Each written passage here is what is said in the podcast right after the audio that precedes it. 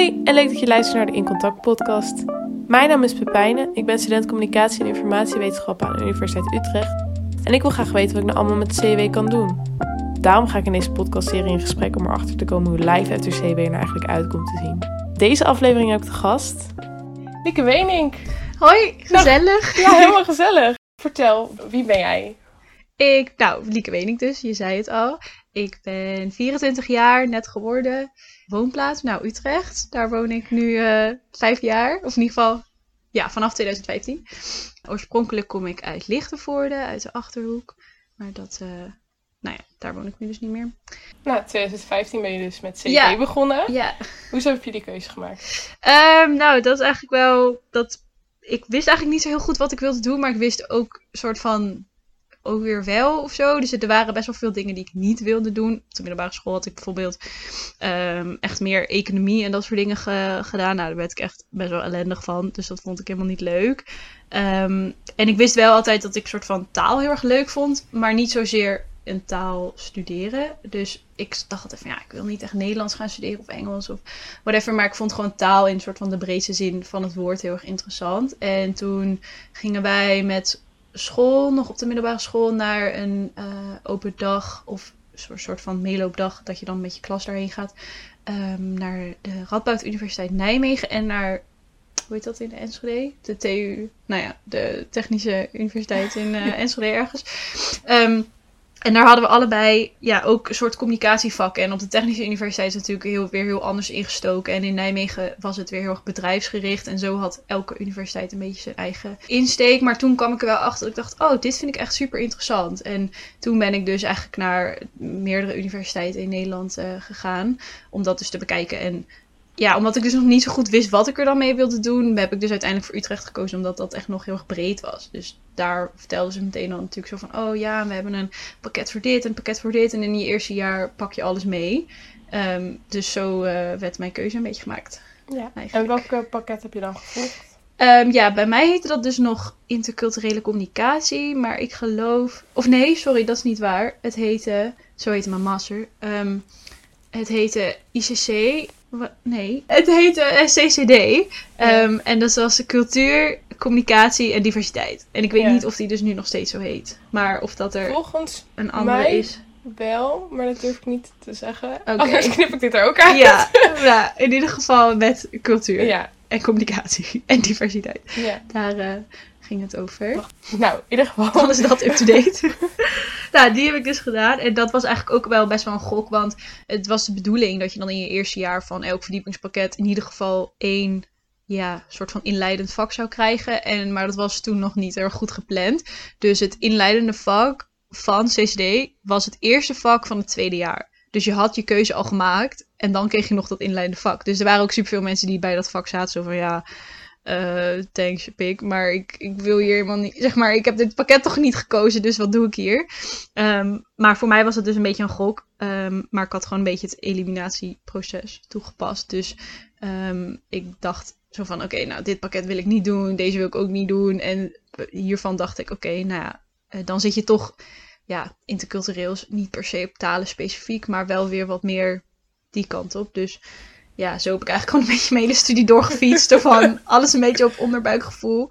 Niet echt heel, ja, geen duidelijke argument of zo. Gewoon Maar spijt van of niet? Nee, zeker niet. Nee, zo ga ik nog steeds door het leven. Dat is een goede tip, dus gewoon op je Ja, gevoel afgaan. Ja, zeker. Ja, ik heb gewoon. Ik, sommige mensen gaan echt zo'n studie al in met zo van: oh, ik wil, ik wil dit doen. Of ik wil bij dit bedrijf werken. Dus ik moet hier stage lopen en dit pakket volgen. En deze dingen allemaal doen. En ik had dat niet. En ik heb dat eigenlijk nooit gehad. Maar ik dacht gewoon: oké, ik ga gewoon doen wat ik nu leuk vind. Wat nu goed voelt. En dat heb ik eigenlijk gewoon de hele tijd gedaan. En welke minors slash verdieping heb je verder nog gedaan? Ik heb een minor taalwetenschap gedaan. Vond ik vrij pittig. Ik dacht dat ik dat heel leuk zou vinden. Maar toen kwam ik er dus ook wel achter dat ik. Er was één vak wat meer socio. Ja, meer sociologie-achtig ehm, was. En, maar dan wel op taal gericht. En dat, dat vond ik wel echt heel erg interessant. Maar er waren ook echt. Maar ik had ook een heel vak over fonetiek. Nou, ik heb er nu nog een boek van liggen. En het boek vind ik heel fascinerend. Maar het, ik vond dat zo moeilijk. Dacht ik, nou, het is echt een soort biologie, zeg maar, hoe je dan, hoe dan al die klanken, zeg maar, uit je keel komen. En nou ja, ik vond het gewoon wel heel erg interessant, maar vond ik echt vet moeilijk. Dus eh, dat, eh, was leuk, maar toen dacht ik wel, oké, never again. dus dat, eh, en toen ik, nou toen ging ik naar het buitenland en eigenlijk was dan de bedoeling dat ik daarna klaar zou zijn. Maar toen heb ik dus uiteindelijk nog een extra jaar gedaan en toen heb ik nog een soort van, eh, ja, niet helemaal, maar toen heb ik dus nog vakken van sociologie gevolgd. Dus dat was niet helemaal minor, maar wel ook een soort pakketje, omdat ik dat zelf handig vond. Omdat ik dacht, ja, ik kan zeg maar zelf al die vakken bij elkaar gaan zoeken en wat bij elkaar past. Maar ik kan ook gewoon de vakken uit een minor gaan volgen. En dan weet ik tenminste zeker dat het hè, te doen is en ook een beetje bij elkaar past. Dus dat heb ik eh, gedaan. Dus soort van twee minors. Dus En dat heb ik nu, ik heb dat nog helemaal niet gezegd, maar ik heb Lieke dus speciaal gevraagd, omdat ik het graag eh, wilde hebben over naar het buitenland gaan, om daar te studeren en stage lopen. Eh, Yes. Want dat zei je net al, je bent naar het buitenland geweest. Ja, vertel, wat heb je gedaan? Ik heb een half jaar in Denemarken gestudeerd. Ehm, in Aarhus specifiek, of Aarhus. Ehm, dat eh, is soort van, ja, ik zeg altijd soort Utrecht van Denemarken. Dus Kopenhagen is, zeg maar, Amsterdam. Ehm, en wel kleinschaliger. Maar ja, Aarhus was echt soort van, een beetje net zo'n gezellig, zo'n soort dorpsstadje als dat Utrecht is. Is ook soort van de tweede, na, na Kopenhagen, de tweede stad. Ja, daar heb ik een half jaar eigenlijk vrije vakken gevolgd. Het, het zat daar iets anders in elkaar, want ze werken daar met semesters. Dus je hebt, ik heb daar twee vakken gevolgd in totaal. Eén vak was volgens mij iets van English and Globalization. En die ander was iets met media. ik weet niet meer precies wat de titel was. Maar Ik heb het van de week nog gelezen, want je hebt eh, ook je, op het buitenland platform op onze website heb je ook je eigen ervaringen gedeeld. Ja. Daar stond het ook tussen, maar Oh. ik weet ook niet meer precies oké, maar het- ja, het was iets met media. Ja. Maar hoe ben je op de keuze gekomen om dan toch naar buitenland te gaan? Want van waar heb je die keuze gemaakt en waarom dan naar eh, Denemarken? Ehm, nou, ik wilde. Ik had me al een beetje verdiept in welke master ik eventueel wilde gaan doen. En dat was dus Intercultural Communication. En die hadden als toelatingseis dat je interculturele ervaring had. En dat kon je zeg maar een beetje. Hè, dat is natuurlijk een beetje ambigu van wat is dat dan. Maar ze hadden een soort richtlijn van dan heb je dus of eh, een minor in een vreemde taal gedaan.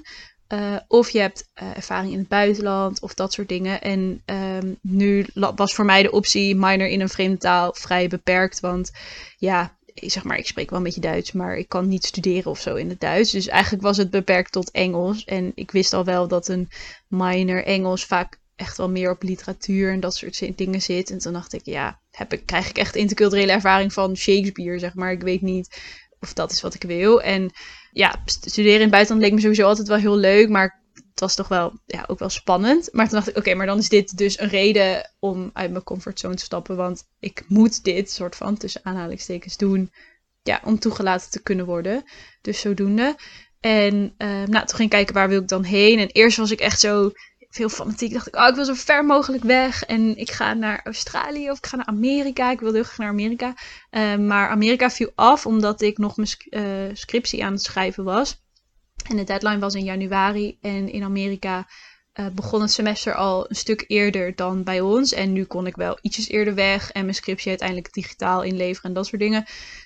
Maar het is niet ideaal om zeg maar vier weken voor je einddatum al eh, daar te zitten. Want daar begint dan natuurlijk ook een heel nieuw leven. En dan zit je nog met je hoofd bij je scriptie. En dat, dat ging gewoon allemaal niet. Ehm, Want je hebt in jaar drie je eh, Ja. naar het buitenland ja, gegaan. ja, dus mijn laatste semester was, in, of tenminste zou je nominaal afstuderen dan. En wat ik dus eigenlijk zou gaan doen, eh, was dat mijn laatste semester in het buitenland. Dus eigenlijk toen ik, klaar, of toen ik daar klaar was, was ik in principe klaar, klaar. Maar hoe zit dat met studiepunten dan? Want Je krijgt daar ook gewoon studiepunten. je neemt je studiepunten mee van... eh, Ja. Oh, Ja. ja, oké. Dus je moet, je moet je vakken zo uitzoeken dat je minimaal, eh, nou wat is het voor ons hier? Ik, ik weet- 30 binnen ja, een half jaar. Ja, precies. Dus die moet je zo uitzoeken. En de, ehm, er waren daar vakken van volgens mij 10 en 15 ECTS. Dus ik heb toen dus twee gekozen van 15. En die duurden dus eh, samen, liepen ze dus allebei een half jaar. En dan, nou ja, als je ze dan allebei gehaald hebt, dan heb je gewoon je studiepunten binnen. Dus dat kon gewoon. Waar ging ik ook weer heen? Waarom je naar Denemarken Oh ja, ja, ja. Oké, sorry. Ja, zo, ik, zo ben ik. Ik ga duizend eh dat side tracks maken. Ja, ik voel mezelf ook daar, dus Ja. vandaar. Eh, maar ja, en toen heb ik dus. moest je een top 3 kiezen? Dat was gewoon verplicht. En ik had eigenlijk als eerste keus had ik Australië. En ik geloof dat dat Brisbane was. Maar ik weet het niet meer helemaal zeker, maar volgens mij wel. En als, uh, toen had ik, ik wist al wel dat ze daar maar heel weinig mensen toe zouden laten. En na al die informatieavonden en meetingen en zo die je dan krijgt over het buitenland, hadden ze al wel gezegd van ja, het is wel goed om een beetje een wildcard in te zetten. Dus zo van hè, misschien een plekje waar wat minder mensen naartoe gaan. Want anders is de kans dus dat je geen van je drie um, stel jij, jij kiest van, weet ik veel, uh, Amerika, Australië en uh, ook nog Londen of zo. Zeg maar, dat zijn dan echt de populaire dingen. Dan heb je dus een kans dat, er, dat je geen van die drie krijgt. En dan word je een soort van, ja, dan krijg je uit de leftovers een beetje om te kiezen. Want hoe werkt het dan? Je schrijf je in voor gewoon een jaar naar, of een half jaar naar het buitenland gaan. En dan word je ehm, later ingedeeld. Of kan je. Ja, je, ik moet zeggen dat het daar weer ook even geleden is. Want het was dus in 2017 dat ik dat gedaan heb. Maar je meld je inderdaad in eerste instantie volgens mij aan dat je gewoon op exchange wil. Dan zijn er afhankelijk van je studie of je faculteit eigenlijk meer. Zijn er nog bepaalde universiteiten die dan sowieso al afvallen. Omdat er bijvoorbeeld universiteiten zijn die alleen maar met, uh, weet ik veel, biomedische wetenschappen of zo werken. Of nou ja, whatever. Dus zo is er al een soort van selectie voor je gemaakt. Dan is die nog steeds heel groot. Um, en dan uh, ga je inderdaad uh, mag je zelf kiezen daaruit, uit zowel binnen als buiten Europa, um, welke ja, universiteiten jou dan aanspreken. En dan lever je dus een top 3 aan. En je schrijft volgens mij je motivatie op je eerste keuze, dacht ik. En dan ja, gaat, je, gaat het examensecretariaat gaat je volgens mij plaatsen. En dan ook wel weer in overleg met de Unie. Want bij de, of de Unie daar. Want in Australië waren volgens mij maar iets van vijf plekken universiteitsbreed. Dus niet eens over mijn faculteit, maar over alles. Dus dan dacht ik al, ja, de kans is wel klein dat ik dan net een van die vijf ben. Want het gaat natuurlijk ook op cijfers en al die dingen. En nu had ik prima cijfers. Maar ja, bij sommigen doen ze volgens mij wel loten. En bij sommigen is het echt wel dat ze een soort van de, ja, de beste uit de groep willen hebben, zeg maar. En toen ja, had ik eigenlijk Denemarken dus een beetje als wildcard. Zo van, nou, dat lijkt me ook leuk. Ik had al gehoord van uh, iemand uit het jaar boven mij die daar ook gestudeerd had ja, dus dat was ook wel een soort van fijn dat ik dan haar daarover kon vragen. Um, en als derde had ik volgens mij Portugal, maar ik wilde eigenlijk helemaal niet naar Portugal. Maar ik dacht gewoon, oké, ze doen die dan maar als derde. Um, dus uh, nou, toen kreeg ik na heel wat maandjes wachten, uh, kreeg je dan een mailtje met van gefeliciteerd, je bent geplaatst. En dan zaten zeg maar onderaan welke universiteit het dan was. En dat was, ik weet nog wat, ik was alleen thuis. En uh, ik was toen toevallig volgens mij bij mijn ouders, want het was in het weekend. En uh, niemand was, mijn moeder was boodschappen doen of zo. En ik dacht, oh my god, e-mailtje. Ik had mijn vriendin geappt, oh my god, oh my god, ik ben toegelaten. Iedereen zo, ja waar dan? Ik dacht zo, ja dat weet ik niet, want ik durf niet kijken. uh, want toen merkte ik ook dat ik een soort van dacht, oh ik hoop dat het Australië is, maar ook weer niet. Want ook weer eng en zo. En nou, toen was het dus Denemarken. En toen ja, was ik eigenlijk heel blij. Dat ik dacht, oh oh chill, zeg maar. Zo van, want het is natuurlijk super leuk, maar Australië bijvoorbeeld. Maar Denemarken maakte het dan wel weer mogelijk dat mijn familie en vrienden ook mij konden opzoeken. En dat doe je natuurlijk in Australië niet zo makkelijk. In ieder geval, mijn ouders misschien nog wel, maar um, ja, vrienden of zo. Ja, het is gewoon vet duur om daarheen te gaan. Dus um, ja, uiteindelijk was ik echt super blij met die keuze. Dat het soort van voor mij was gemaakt. Dus dat was uh, ja, wel chill. Ja. Nee, super leuk. En toen ben je dus naar Denemarken gegaan. Toen heb je dus die vakken gevolgd. Hoe gaat het daar? Is dat heel anders dan in Nederland? Of? Um, nee, eigenlijk best wel hetzelfde. Uh, ik weet wel, dat vond ik eerst heel raar, dat ik in mijn, hoe heet dat? Cursusbeschrijving, zeg maar. Er stond, hadden ze het dus overal over een academisch kwartiertje. En dat dat soort van heel normaal was. En toen dacht ik, wat de fuck is een academisch kwartiertje? Maar het kwam er dus op neer dat dan op je rooster stond dat je college om één uur begon. Maar het begon dan pas om kwart over één. Oh, dat inlopen ding. ja. Volgens mij ook in Amsterdam of zo. ja. mijn moeder heeft het ook wel eens over gehad. Ja, en ik dacht echt, oké, waarom, waarom zet je dan niet gewoon op het rooster dat het om kwart over één begint? Um, maar ja, dat, dat was eigenlijk het enige wat soort van anders was. Want de Unie daar ja, was eigenlijk ook wel best wel vergelijkbaar met hier. Er waren verschillende faculteiten over de stad verdeeld. En ja, gewoon werkcolleges en, en hoorcolleges. Hoorcolleges waren wel, waren echt wel veel meer studenten per vak, had ik het idee. Dus we zaten wel echt in grote zalen, zeg maar. Of er waren ook meerdere, um, meerdere studies die dan soort van hetzelfde vak volgden, als het ware. Dus daar was een overlap in. En werkcolleges was ja, een beetje vergelijkbaar met hier eigenlijk. Dat je gewoon met een mannetje of dertig of zo uh, zit je daar dan in. En het, bij mij was het zo dat gewoon Deense studenten en internationale studenten zaten gewoon door elkaar heen. Dus je, het was niet dat je alleen maar met internationale zat. Ook gewoon Ja, met Deense. Dan leer je ook wel mensen van daar kennen. Dus Ja. en internationaal. Dat lijkt mij dus, dat wilde ik nog vragen. Dat lijkt mij een soort van opstapje om erheen te gaan. Want je gaat er echt in je eentje heen. Ja, Dus- dat was wel even spannend. Hoe heb je dat aangepakt? Nou, ik wilde wel ook echt per se er in mijn eentje heen. Want ja, Denemarken is natuurlijk best wel wel een, een afstand dat je kan rijden als je dat wil. Zeker chill is, je kan je lekker al je eigen spulletjes en zo mee. Dus mijn ouders hadden dat wel aangeboden van we kunnen je gewoon brengen. Maar ik, ja, ik wilde per se zelf met het vliegtuig. Ehm dacht, nee, dit moet ik echt zelf doen. Ehm, en dan, ja, dan is het zeg maar uitzwaaien en dan doei. En dan zelf alleen het vliegtuig in. En dan begint het soort van echt. Eh, dus ik moest, moest, ik kwam in Kopenhagen aan. Daar moest ik overstappen. Toen heb ik de Flixbus gepakt. eh Aarhus.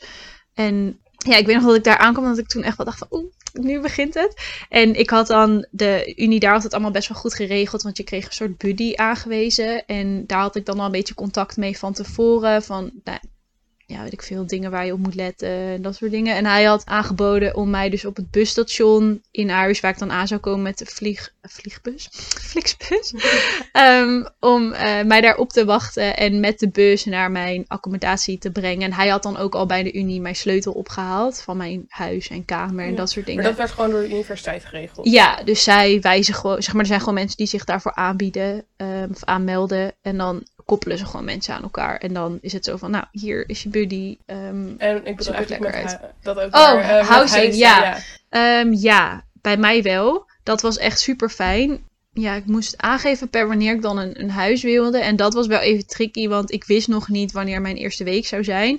Maar ik moest al best wel van tevoren aangeven. En dan kon je kiezen van per 1 januari of pas per 1 februari of zo. Eh, of per in ieder geval later in januari.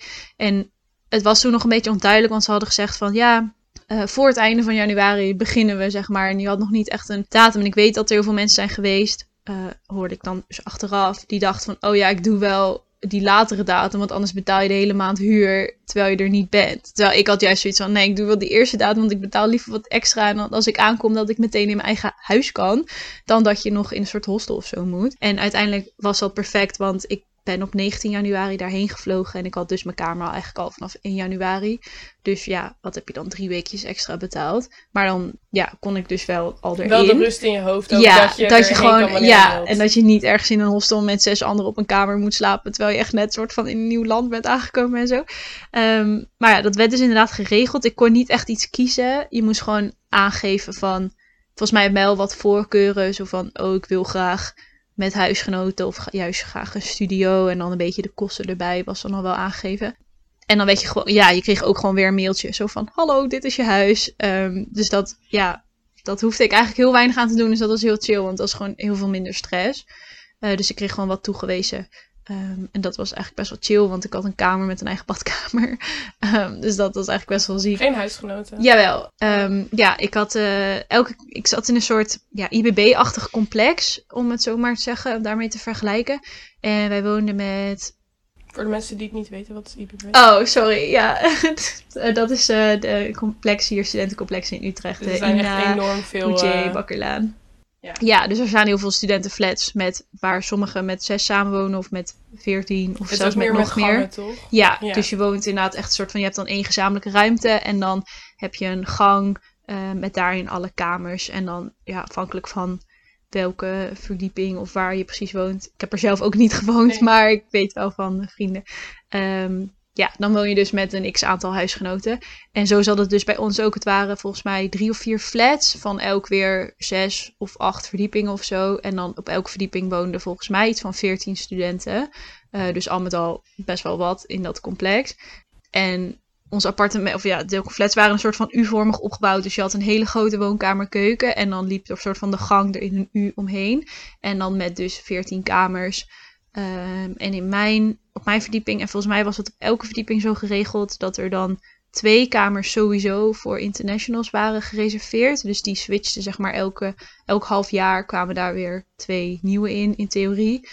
En er waren ook nog wel wat andere internationalen bij mij toevallig die gewoon soort van vast in Denemarken studeerden. Dus die zaten dan niet in de internationale kamer als het ware, maar die waren wel ook internationals. Dus ja, wij woonden volgens mij met 14 in totaal met mij erbij. En ehm, ik denk dus dat we eindstand met iets van vier of vijf niet-Denen waren. En de rest waren Deense studenten gewoon. Ja. Dus dat. En zo leerde je dan ook wel een beetje mensen Ja, ja, want dat was dus al meteen toen ik aankwam. Wat we dus zeiden van, ja, het is best wel spannend, je komt daar alleen.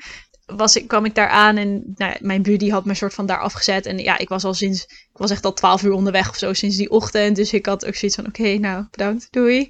Nu ga ik spullen uitpakken en slapen. en toen kwam ik in dat huis en ehm, ik had mijn kamerdeur dus nog een beetje openstaan. En ik zat echt een beetje op mijn bed, zo van, zo, nou, hier ben ik. En, ehm, en toen liep er dus net iemand langs. En het was dus vrijdagavond. Dus mijn toen mijn huisgenoten, die waren gewoon allemaal thuis. En die waren aan het chillen in die soort van woonkamerkeuken. Toen liep er dus net iemand langs. En die zei zo, oh hoi, jij bent vast onze nieuwe huisgenoot. Nou, meteen wil je natuurlijk wel een soort van leuk zijn. Maar ze zeiden, ja, wij zitten in de woonkamer. Dus eh, kom maar gezellig bij als je dat wil. En mijn eerste gevoel zei echt zo: nee, nee, dat wil ik niet. Ik ben moe en laat me gewoon even met rust. En toen dacht ik: ja, nee, maar nu moet ik het juist doen, want morgen wordt het awkward. Zeg maar, als, ik, als ik ze dan. Nu is het zeg maar, dan heb ik iedereen bij elkaar. Ja, dat is even een soort van. Je bent een soort circus actje dan even. hè, Maar dat is dan in één keer over. En dan heb je meteen iedereen gezien. En wat anders dan sta ik opeens morgenochtend in de keuken. En dan loopt er opeens iemand binnen die dan denkt: huh, wie ben jij en waar kom jij vandaan? Dus ik dacht: oké, ik moet het gewoon doen. En die deur naar die woonkamerkeuken was dus gewoon een dichte deur. Dus het was echt even zo een momentje zo van. Oké, Adem in, adem uit. Ja, ja, ja, hand op de klink. En toen dacht ik, want ik wist niet, dan gaan hier drie mensen zitten. Of dertien. Zeg maar, ik wist niet hoeveel mensen ik moest verwachten. En uiteindelijk zaten er denk ik iets van, ja best wat. Wel, Echt iets van acht of zo. Dus je doet die deur open en iedereen gaat echt zo, zo naar jou kijken.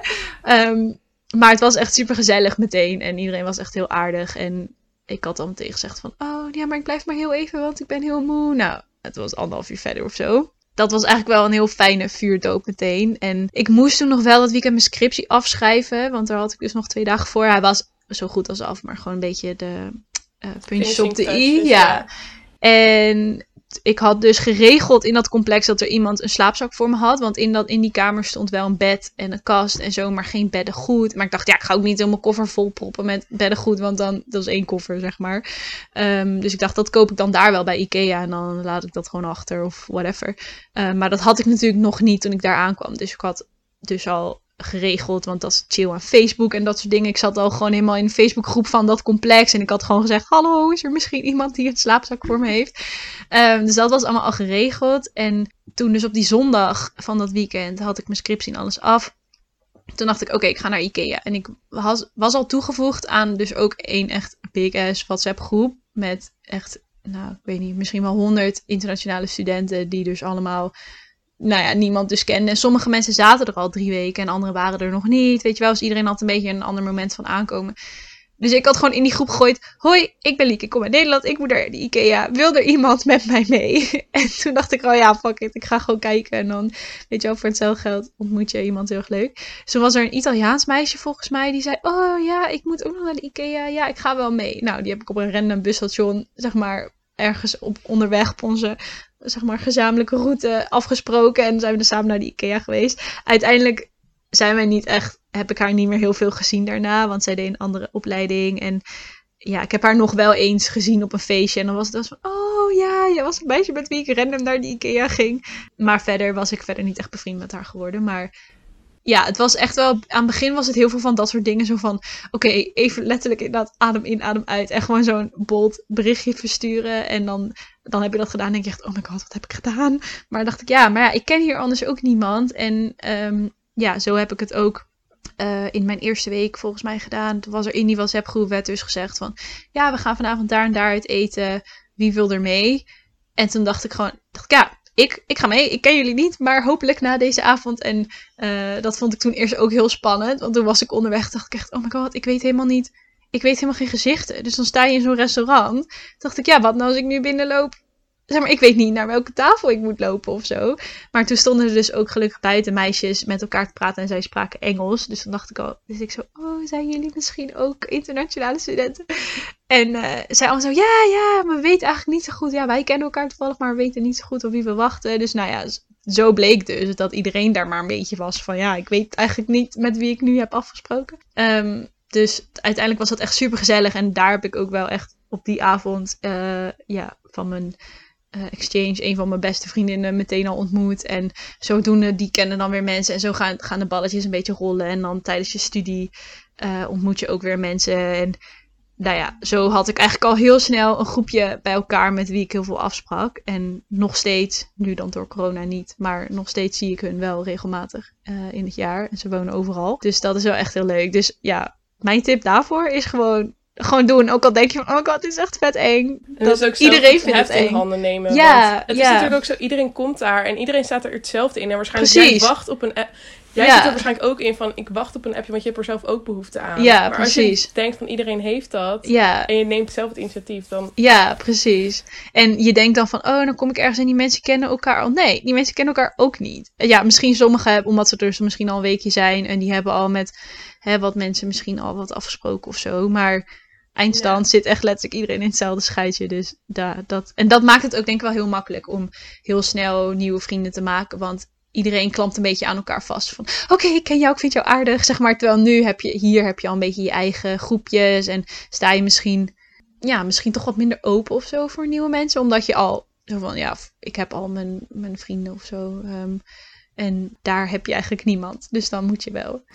Dus Ja. ja, dat gaat best wel vanzelf. En fijn dat er ook zo'n netwerk is, dat je dus Ja, wel al een beetje erin chill. wordt gegooid. En dat er dingen worden georganiseerd. En dat had ik ook gelezen, dat ze gewoon elke week borrels hadden vanuit... eh, Klopt, ja. Dat was, eh, er was daar een soort van ehm studentencomplex-achtig, waar soort pooltafels en zeg maar meer een soort clubhuisachtig iets was. En daar werden dan best wel vaak dingen georganiseerd voor ja, internationale studenten. En dat was volgens mij elke dinsdag of zo. En dan kon je daar gewoon heen als je dat leuk vond. En dan, nou ja, je kan daar dus in theorie ook alleen heen en daar dus mensen leren kennen. Of als je al een beetje een groepje hebt.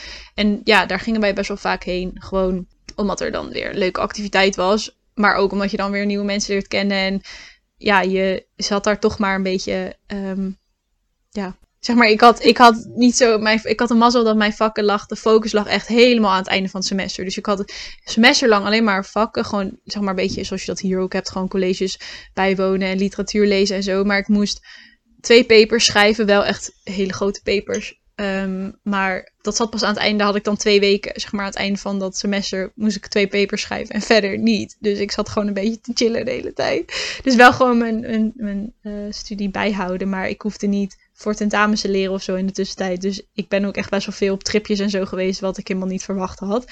Maar naar eh, Ierland en eh, weet ik veel. Waar Naar allemaal... Ierland terwijl je in Denemarken zat. Ja, want dat was wel grappig. Want ik had gek genoeg, of toevallig eigenlijk, had ik heel veel Amerikaanse en Canadese eh, vrienden daar gemaakt. En ja, die zien Europa natuurlijk echt als één groot land. En zo van, oh, als ik in Denemarken ben, dan kan ik ook wel daarheen en daarheen en daarheen. En die hadden echt een soort bucketlist van tik, tik, tik. Ik wil naar Griekenland, ik wil naar Italië, ik wil naar Spanje, ik wil naar Ierland, ik wil weet ik veel. En ik had het dus inderdaad helemaal niet gepland. Ik dacht, ja, ik ga vast wel een keertje naar Kopenhagen of misschien een keertje naar Zweden of zo, maar verder niet echt. Maar doordat ik met hun bevriend was en zij overal heen wilde, dacht ik, ja, oké, let's go. ik ben voor St. Patrick's Day naar Dublin geweest. Dat was echt Oh, dat fucking was echt vet. heel groot daar. Ja, dat was heel leuk. En toen hebben we ook meteen, we waren daar, nou net geen week denk ik. Dus we hebben daar ook van die trips gedaan naar de kust. Dus ik ben ook in Galway geweest. En ehm, ja, eigenlijk, we hebben best wel heel veel van, eh, ook helemaal naar de Noord, het noordelijkse puntje en zo. Dus ja, Ierland is ook echt super eh, divers qua natuur en dat soort dingen ook. Dus we hebben echt best wel heel veel van Ierland gezien in die paar dagen. Dus dat was echt heel vet. En ik ben naar Stockholm geweest, naar Hamburg.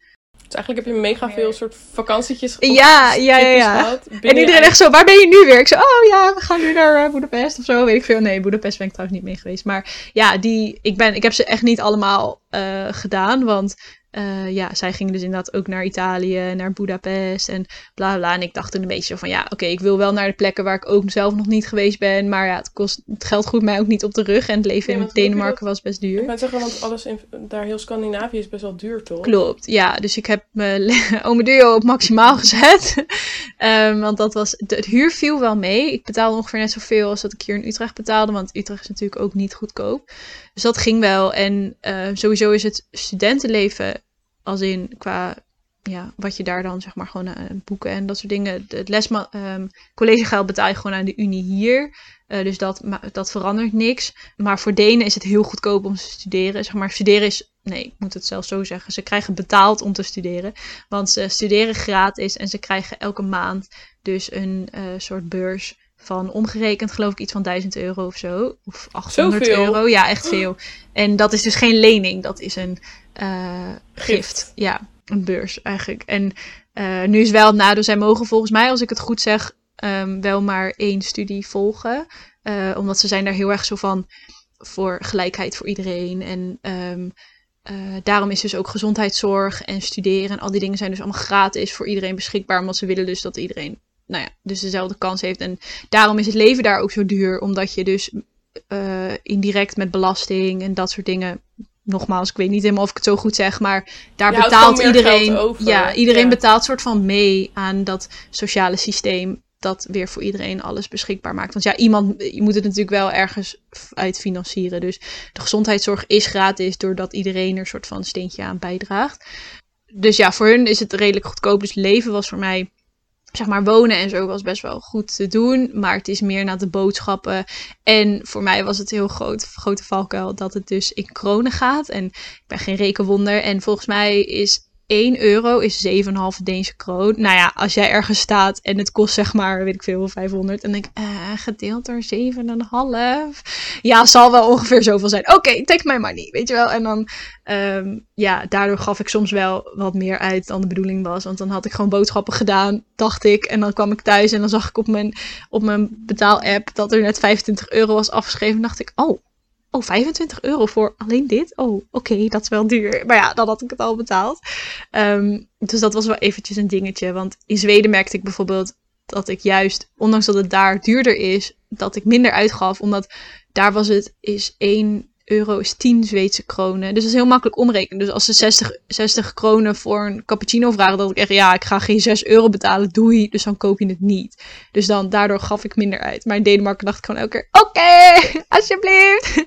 Ook echt 100 euro voor een router betaald of zo, omdat ik geen idee had in mijn eerste drie dagen. En ik moest wifi hebben op mijn kamer, dat moest je allemaal zelf regelen. En dus ik dacht, oké, doe deze maar. En toen was echt zo, oh, dat is wel veel geld. Maar ja, dat leer je ook vanzelf wel een beetje. En ik had ook zoiets van, ik doe dit een half jaar. En Je moet ook, weet je, het is, doet het waarschijnlijk één keer in je leven. Dus Precies, ja. En het was niet alsof ik zeg maar zomaar geld over de bank aan het smijten was. Helemaal niet. Ehm, en dat, ik had ook gewoon heel veel gewerkt en zo van tevoren. Dus al die tripjes en zo heb ik echt niet alleen maar van Ome Duo gedaan. Dat heb ik ook gewoon, ja, maar was gewoon mijn eigen spaargeld, zeg maar. Ja. Maar ja, ik zou dat inderdaad, je, je gaat niet dat doen en dan op een houtje bijten, zeg maar. Dat is niet leuk. Dus ik had wel gewoon zoiets van, oké, ik ga wel echt optimaal van genieten. Maar ja, als ik dan ergens een weekend heen ging, gingen wij ook rustig in een hostel of zo zitten, zeg maar. Ik hoefde niet in een of ander duur, duur hotel Ja. of zo te gaan zitten. Dus ja, waar het kon, wel een beetje op mijn geld letten, maar ook zeker wel gewoon leven en genieten ervan. Nou, ik vind het al, ik zit helemaal te luisteren naar je verhalen. Maar wat, als je, zeg maar, samenvattend, wat zou het belangrijkste tip zijn als je naar het buitenland gaat? Wat is het belangrijkste dat je hebt geleerd? Laat ik het zo zeggen. Nou, ik ben echt super zelfstandig van geworden. Want ik was net 21 toen ik erheen ging. Dus dat is op zich nog best wel jong. Maar ja, ook niet super jong zo. Maar gewoon, ja. En ik merkte wel echt, het, het is echt zo'n fucking cliché. Maar ik heb gewoon best wel veel over mezelf geleerd. En ook gewoon wat meer, ik kwam echt wel wat soort van zelfverzekerder uit terug of zo. Zoals tijdens mijn bachelor. Nou, zoiets stoms als dat ik altijd dacht. Oh ja, ik kan echt niet zo goed Engels praten. Want wij Nederlands klinken echt een beetje als een aardappel. Bij wijze van daar zeiden echt superveel mensen. Oké, dat is natuurlijk ook weer met iedereen anders. Maar ik werd veel makkelijker, veel eh, minder zelfbewust. Bijvoorbeeld van Engels spreken. Omdat ik dus ook de tijd met Amerikanen en Canadezen omging. Zij spraken letterlijk alleen maar Engels. En zij hadden echt zoiets van: wow, jij kan Nederlands en Engels en Duits. En zeg maar, oké, Frans kan je misschien alleen maar tot tien tellen. Maar wow, zeg maar, voor hun was dat echt super mindblowing. En toen dacht ik ook echt: ja, fuck ja, wij kunnen zeg maar drie talen spreken. En jij kan alleen maar Engels. Dus zeg maar niet dat, dat, dat het een wedstrijd is of zo. Maar daardoor kwam ik heel erg, dacht ik echt van, oh ja, het is eigenlijk best wel knap juist wat we wel kunnen. En ja, ook gewoon dat je inderdaad echt wel voor jezelf moet zorgen. En ik was daar op een gegeven moment, ik was daar net en toen was ik best wel ziek. Dus ik had een ooront, of ja, soort voorhoofdholte-achtig ontsteking. Ik, ik heb gewoon veel te veel gedaan in veel te korte tijd. En mijn lichaam dacht echt, Ja. stop. Maar dan, ja, dan is het toch wel even dat je, word je wel met de neus op de feit gedrukt van, oké, shit, ik ben hier Tuurlijk, er is alles wat je nodig hebt, is daar ook gewoon. Maar dan voel je wel eventjes een beetje... Ja, ik had toen wel even een beetje heimwee. Dat ik dacht, oh shit, ik ben hier helemaal alleen in mijn kamertje. Er is niet echt iemand die nu voor mij gaat zorgen. Of echt, omdat het dus ook echt pas in week drie of vier was of zo dat ik daar zat. Maar dan, ja, dan knap je daar weer van op. En dan op een gegeven moment dan denk je ook van... Ja, weet je, ik kan hier ook gewoon heel goed mijn leven leiden. En ik merkte dat ik eigenlijk de rest van het half jaar helemaal geen heimwee had. En dat ik dan... Dat dan mijn vrienden deed, het even van, oh, is het daar? En dacht ik, oh ja, ja, is leuk. Ja, en niet dat ik hun niet miste of zo. Maar ik had daar ook mijn leven en mijn vrienden. En ja, ik hield iedereen een beetje op de hoogte. Want ik had dus een blog bijgehouden. Wat ik elke week zet ik daar gewoon echt super veel foto's in. En dan schreef ik een tekstje over wat ik allemaal had gedaan. Dat vonden vooral mijn oma's en zo heel leuk. Maar als mensen dan aan me vroegen van, oh, is het daar? Zeg ik, ja, hier is mijn blog. Lees maar gewoon. Ik ben druk. Ik ga nu weer leuke dingen doen. Ik stel dus... trouwens, uh, ik zei het net al, maar je hebt ook een stukje op de site geschreven. En daar staat volgens mij ook het linkje naar je mm. blog bij. Dus mocht iemand nog alles terug willen lezen, oh ja, superleuk. Ja, volgens mij staat hij inderdaad nog wel online. Ja, maar dus dat is echt leuk super vet. Het is vooral heel veel over jezelf geleerd. En qua studeren is het dus eigenlijk een beetje hetzelfde als Nederland. Ja, heel erg. Ja, het was gewoon... Ja, kijk, het is ook gewoon een, een westers land natuurlijk. Dus ja, de vakken, dat, ja, het was natuurlijk allemaal in het Engels. Maar dat is het enige. Ik had niet echt het idee qua... Ja, de cultuurshock heb je daar ook toch wel minder. Want het is gewoon best wel Denen zijn wel wat, wat gereserveerder dan Nederlanders, heb ik het idee. Zeg maar, waar wij ook wel in de bus hè, allemaal naar je mobieltje zitten te staren, zeg maar, dat had ik daar nog wel ietsjes erger. Maar wel als ze eenmaal, uh, als je iemand eenmaal hebt aangesproken en eenmaal kent, zeg maar, dan zijn ze wel echt super los. En dit is natuurlijk generaliseren. Maar dat merkte ik wel in het, in het openbaar vervoer en gewoon in het openbaar leven. Dat mensen wel echt een beetje oogkleppen op hebben. Zo van ik en mijn bubbel. Maar als je eenmaal met mensen bent, dan echt helemaal niet. En dan is het echt super, gat was even een deur. um, echt super gastvrij en ja, echt ontzettend gezellig. En ze hebben ook allemaal leuke feestdagjes en zo, zeg maar. Dat ze, ja, wat ik daar zo leuk vond, zeg maar, ze zijn heel erg nationalistisch. Als, in, als er iets te vieren valt, hangen ze overal de deze vlag op en zo. Dus op een gegeven moment werd ik, dacht ik, oh leuk, deze vlag. Zeg maar, dat kon je op taart en zo. Overal zetten ze dat op om te vieren. Dus dat, ja, dat soort dingen vond ik echt super leuk. Maar ja, het was niet zoals natuurlijk als je naar Azië of zo gaat, kan ik me voorstellen. Of naar Amerika ook. Of nou ja, weet ik veel. Gewoon echt een heel ander continent en echt heel veel verder van huis. Dan zul je wel echt meer die cultuurshock hebben. Dat was hier ja, niet zo. Wel, wel gewoon andere dingetjes, maar gewoon ja, leuk. In plaats van dat je misschien helemaal overweldigd bent. Nou, super leuk in ieder geval. Dus naar buitenland een goede aanrader. Ja, ik kan het echt iedereen aanraden. En toen kwam je terug in Nederland en toen ben je met je master begonnen. Ja, nou eerst is niet. Want ik uh, dacht vrij zeker te weten welke master ik wilde gaan doen. Uh, maar net voordat ik naar het buitenland ging, had ik daar de open dag van. En toen was ik soort van.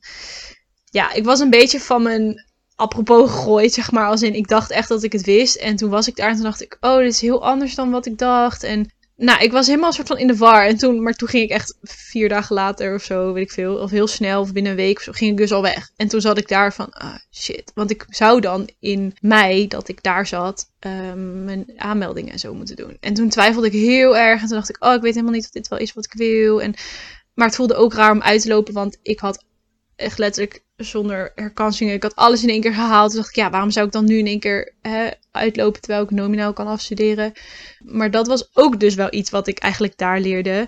Ik kwam in dat huis als 21-jarige en ik was dus de allerjongste daar, maar ik was het allerverst in mijn studie, zeg maar ten opzichte van de rest. Dus ik zou al, ik zou afstuderen na mijn master beginnen, terwijl ik had daar huisgenoten die misschien 4, 25 waren en die net begonnen waren aan hun bachelor. En zij gingen het was daar best wel normaal om na je middelbare school echt even een jaar of twee jaar eruit te gaan en te gaan reizen of gewoon dingen te doen. Echt soort, ja, echt een soort zelfontplooiing en dan pas te gaan studeren. Vermoedelijk ook wel doordat zij wat een bewustere keuze moeten maken, omdat dat dus een beetje ingewikkeld is met die verschillende diploma's en zo. Dus misschien dat zij echt zoiets hebben van: oké, ik wil heel zeker weten wat ik ga studeren voordat ik eraan ga beginnen. En toen had ik ook wel echt heel goed idee losgelaten van ja, wie zegt ook dat ik op mijn 22e zeg maar al klaar moet zijn met alles. Want ja, weet je, werken kan je echt nog lang genoeg. Maar ik had heel erg dat, ja, een beetje een soort van die drang dat ik dacht, oh, ik moet dan heel snel klaar zijn. Maar dat leerde ik daar dus ook wel een beetje van ja, dat slaat helemaal nergens op. En je doet het voor jezelf en voor helemaal niemand anders. En iedereen heeft een soort van zijn eigen tijdlijn. Dus toen had ik besloten om uh, uitstel van afstuderen aan te vragen. Dus wat ze dan doen dan vullen ze zeg maar, ja, ik weet niet of het helemaal zeg maar volgens de wet gaat. Maar in ieder geval, ze kunnen dan, ze, de Unie kan wel iets voor je regelen dat je, ja, dus nog niet meteen na je laatste vak meteen bent afgestudeerd. En dan, Ja, want dat wil ik zeggen, want dan heb je dus wel 180 ja, studiepunten. Je hebt je scriptie ingeleverd. Dan ben je toch... ja, wat ze eigenlijk soort van doen is ze vullen je klaar. laatste cijfer niet in. Dat is volgens mij in de Ja. praktijk wat er gebeurt, waardoor je systeemtechnisch niet bent afgestudeerd. Eh, terwijl je dat in de praktijk wel bent. Dus dat is volgens mij bij mij ook gebeurd. Mijn eh, cijfers uit Denemarken zijn pas later ingevoerd. eh, waardoor ik dus nog ingeschreven kon blijven staan. En je moet daar, ze doen dat natuurlijk niet zomaar. Dus je moet daar een goed argument voor hebben. En nou, ik heb toen gewoon mijn situatie uitgelegd. Van nou, ik weet eigenlijk nog helemaal niet zo goed wat ik wil doen. En ik heb nu deze master op het oog. Eh, dat was een hele andere master. En toen zei ik van nou, dus daar wil ik nog graag deze en deze vakken voor volgen. Ehm, dus dat werd uiteindelijk dan door het examensecretariaat goedgekeurd. Dan heb ik die extra vakken gevolgd. En uiteindelijk heb ik de, ben ik dus wel de master gaan doen die ik in eerste instantie wilde doen. En waar ik me weer van bedacht had.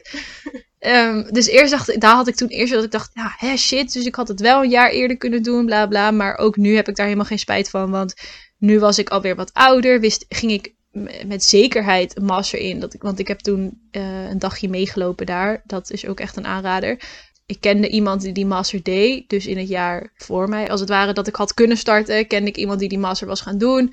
En ik had de docenten gemaild. Gewoon van, hey, mag ik op deze dag waarop jullie twee hoorcolleges hebben, mag ik daar gewoon bij gaan zitten chillen? Nou, die waren super enthousiast en dat kon gewoon. Nou, na die dag had ik wel echt zoiets van, oké, ik vind dit echt interessant. En ik ga dit echt wel, wil ik graag doen. Dus toen, ja, ben ik wel met een zeker gevoel die master begonnen. In plaats van als ik het een jaar eerder had gedaan, was ik er misschien aan begonnen met heel veel twijfels. Dus achteraf geen spijt van om het een extra jaartje uit te lopen. Nou, dus toen aan mijn master begonnen. Master was dus Intercultural Communication. Want ik heb hem tweetalig gedaan in het Nederlands en het Engels. Je kan hem ook helemaal Nederlands doen.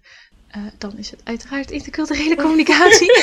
Ehm, en, maar je kan hem dus in heel veel talen doen. Dus we hebben allemaal eh, tracks met verschillende talen. Dus er waren ook mensen die hem Die hem in het eh, Engels, of eh, sorry, in het Italiaans of Frans of Duits of zo deden. Dus er zijn ook heel veel. eh, het is echt een superleuke groep aan studenten. Met iedereen die echt allemaal verschillende talen spreekt. En echt super lijp. Dus dat was echt vet leuk. En dan heb je. is een eenjarige master. En het eerste semester heb je gewoon allemaal vakken. En dat was echt best wel bikkelen. Want ja, ik zou niet willen zeggen dat ik met twee vingers in mijn neus door mijn bachelor ben gefietst. Maar het ging me gewoon wel goed af, zeg maar. Ik had gewoon prima cijfers. En ik deed wel gewoon mijn best. Maar ik heb zeker ook van het studentenleven genoten en alle leuke commissies gedaan. Dus mijn bachelor ging gewoon best wel goed. En mijn master was toen wel echt even dat ik dacht: oké, nu heb ik wel echt al die zeg maar 40 uur nodig in de week die je eh, moet besteden. En ehm, het kwam ook vooral, we hadden heel veel groepswerk, waardoor je ja, je bent ook afhankelijk van elkaars agenda en planning en zo, waardoor je gewoon best wel, ehm, ja, time management leer je wel heel goed, zeg maar. Maar ja, het was een heel vol half jaar, maar wel echt ontzettend leuk en heel leerzaam. En dan was het in het tweede semester, was het dus verplicht om je scriptie te schrijven en je stage te lopen. En zodoende ben ik dus ook een stage gaan lopen, want dat was dus letterlijk geen keuze. Dat was gewoon een verplicht onderdeel. Maar wel grappig, want ik hoor dus van heel veel mensen dat stage lopen op universitair niveau eh, eigenlijk bijna niet wordt aangeraden. Klopt. Maar bij master is het echt wel best wel vaak onderdeel van eh, het pakket. Dat doen ze ook wel met een reden, denk ik. En daarom zit hij ook heel vaak aan het einde, dus in je laatste blok. Omdat ik denk de Unie ook best wel hoopt dat je zeg maar nou, iets vindt wat je leuk vindt. En wederzijds dat de partij jou ook leuk vindt. En dat je dan zo een beetje een ingangetje hebt op de arbeidsmarkt. Tenminste, dat was bij ons wel echt heel erg de insteek. Is bij mij dus uiteindelijk ook zo gelopen. Dat was Ja. heel fijn. Want Want- wat heb je voor stage gedaan? Ik heb stage communicatie en publicatie gedaan bij Museum Hoge Woerd. Dat is een museum, een archeologiemuseum in Leidse Rijn. Eh, ik kende het totaal niet voordat ik daar stage ging lopen, maar ik eh, ging. Ik zag best wel op tegen een stage vinden, want corona was toen echt net soort van volop in bloei. Eh, want ik heb in april volgens mij mijn. Eh, ja, in april heb ik mijn scriptie ingeleverd. Dus toen was net zeg maar maart, april was echt eh, eh, co- co- Ja. corona season, zeg maar. Ehm, en toen ben ik in mei met mijn stage begonnen. En ik dacht echt, ja, wie gaat mij nou aannemen nu in deze tijd? En voor best wel kort ook, want het was maar twaalf weken. Terwijl meeste stages zijn minimaal drie maanden. Dus ik dacht ook van, nou, dat wordt heel moeilijk. Maar viel reuze mee. Ik heb voor drie bedrijven aangemeld. En ik kon uiteindelijk bij alle drie kon ik uitkiezen, zeg maar. Dus dat was echt prima. Dus dat, daar hoef je op zich dus geen zorgen om te maken. En ik had het gevonden via iets van culturele vacaturebank of zo. Dus dat is nog een tip voor iedereen die eh, nog iets cult cultureels wil doen. Ja, en Ehm, we hebben volgens mij ook, eh, Contact heeft ook eigen vacatures op de site. Ja, als je in de CW Alumni groep op eh, LinkedIn gaat, hebben we ook Karel Schoutsen, die doet de stages Ja, vanuit... klopt. er zijn ook veel dingen. Die post ook heel veel dingen. Ja. daar. Dus mocht je nog stage zoeken, kun je ook zeker Ja. Ja, Dat dat, is echt een goede mij. tip. Ja. Ja. Dus eh, nou, toen had ik dat gevonden en dreigde heel even in de soep te lopen, omdat het inderdaad door corona hadden zoiets van ja, het museum gaat dicht, ik weet niet of we je wel nodig hebben. Maar toen heb ik mezelf soort van naar binnen gepraat, zei ik nee, nu heb je me juist nodig, want nu kan je alle dingen doen aan communicatie die normaal, zeg maar, doordat je dicht bent, of doordat je open bent, zeg maar, allemaal een beetje op de achtergrond, achtergrond verdwijnt, want het was een vrij klein team. Dus daar was dan heel weinig tijd voor. En nu was het juist van, Nee, nu heb je juist tijd om al die dingen aan te pakken. Dus nou, zodoende ben ik daar eh, bezig geweest een half jaar. En was echt heel leuk. En, ehm, Een half Dat- jaar wel. eh, sorry, dat zeg ik verkeerd. Tot Oh, drie maanden. Ja, nee, je hebt helemaal gelijk. Ik heb eh, in een half jaar in het ene blok mijn scriptie geschreven. ehm, en in het vierde blok stage gelopen. Ehm, ja, tijd vliegt. Want toen...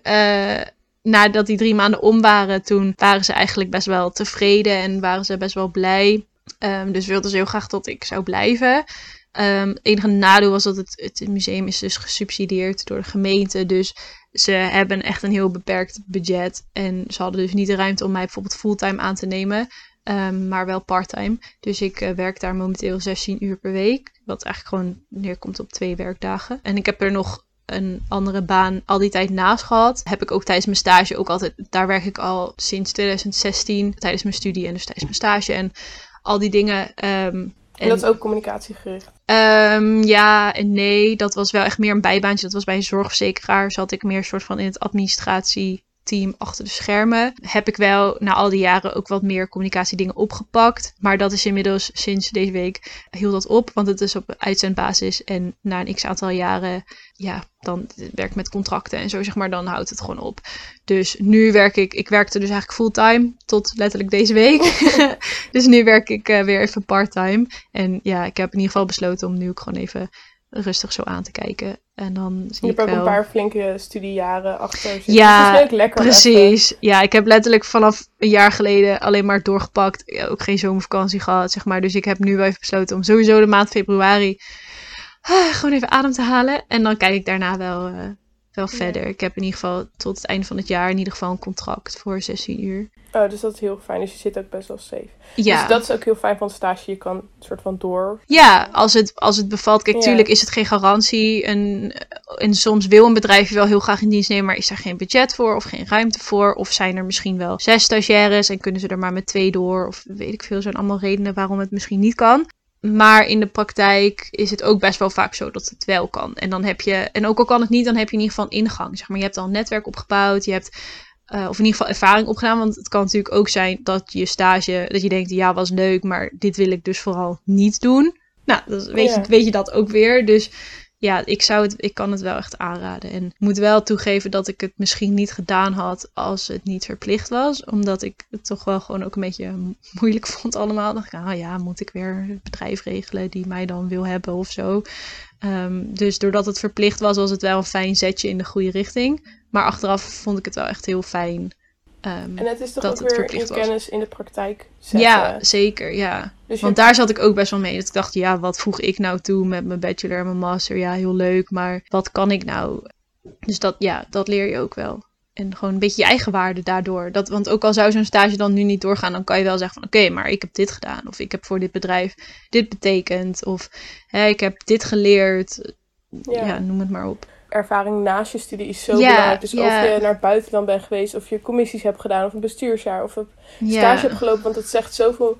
Het is niet eens per se dat je zeg maar je studie daardoor beter wordt, dat je meer kennis hebt over je studie, maar je leert zoveel meer over jezelf en ja over jezelf van die soft skills natuurlijk ook. Ja. Die je, en die je weer overal mee kan nemen naar elke... Ja. ja. En ik denk dat je dat ook, kijk, natuurlijk leer je dat ook tijdens je studie en samenwerken, maar ik denk dat je dat ook tijdens andere dingen. Dus inderdaad, wat je zei, naar Ja. het buitenland gaan, leer je dat soort dingen ook waarschijnlijk. Omdat je opeens op jezelf aangewezen Ja, bent. En klopt. stage lopen ook, omdat je dan in praktijk moet zetten. En dan denk je, wat vind ik wel leuk en wat niet. Ja, precies. Dus misschien is dat wel de tip van deze week. Gewoon Ja. elke keer een soort levensles Ja, uit te ja. Maar van ontwikkel jezelf. Ja, ja, echt heel erg. Kom gewoon, stap gewoon een beetje uit je comfortzone. Hoe eng dat misschien ook lijkt. Want dat had ik zeker zelf ook wel.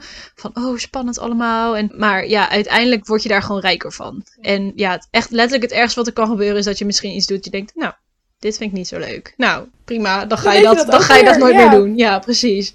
Dus ja, dat is inderdaad wel de les, denk ik. Ja, ik vind het een goede afsluiter. Ja, nou ja, in ieder geval, we hebben lang genoeg geluld. Dus Ja, geval, zeker. Ik vond het super gezellig dat je er was. Als mensen nu nog niet zijn afgehaakt, eh, dan Oh ja, echt credits daarvoor. Zeggen, mocht je na al dit eh, verhaal luisteren nog steeds vragen hebben, kun je Lieke een mailtje sturen. Dat kan naar lieke.wenink en dat spel je E W-A-E-N-I-N-K at gmail.com. Yes. Eh, mocht je nog meer dingen willen weten, of je kan natuurlijk altijd mij toeschieten. Zoek vooral ook over stage lopen. Kun je ook op de site van de Unie eh, heel veel vinden. Wat zei ik, stage lopen of? Bu- buitenland studeren?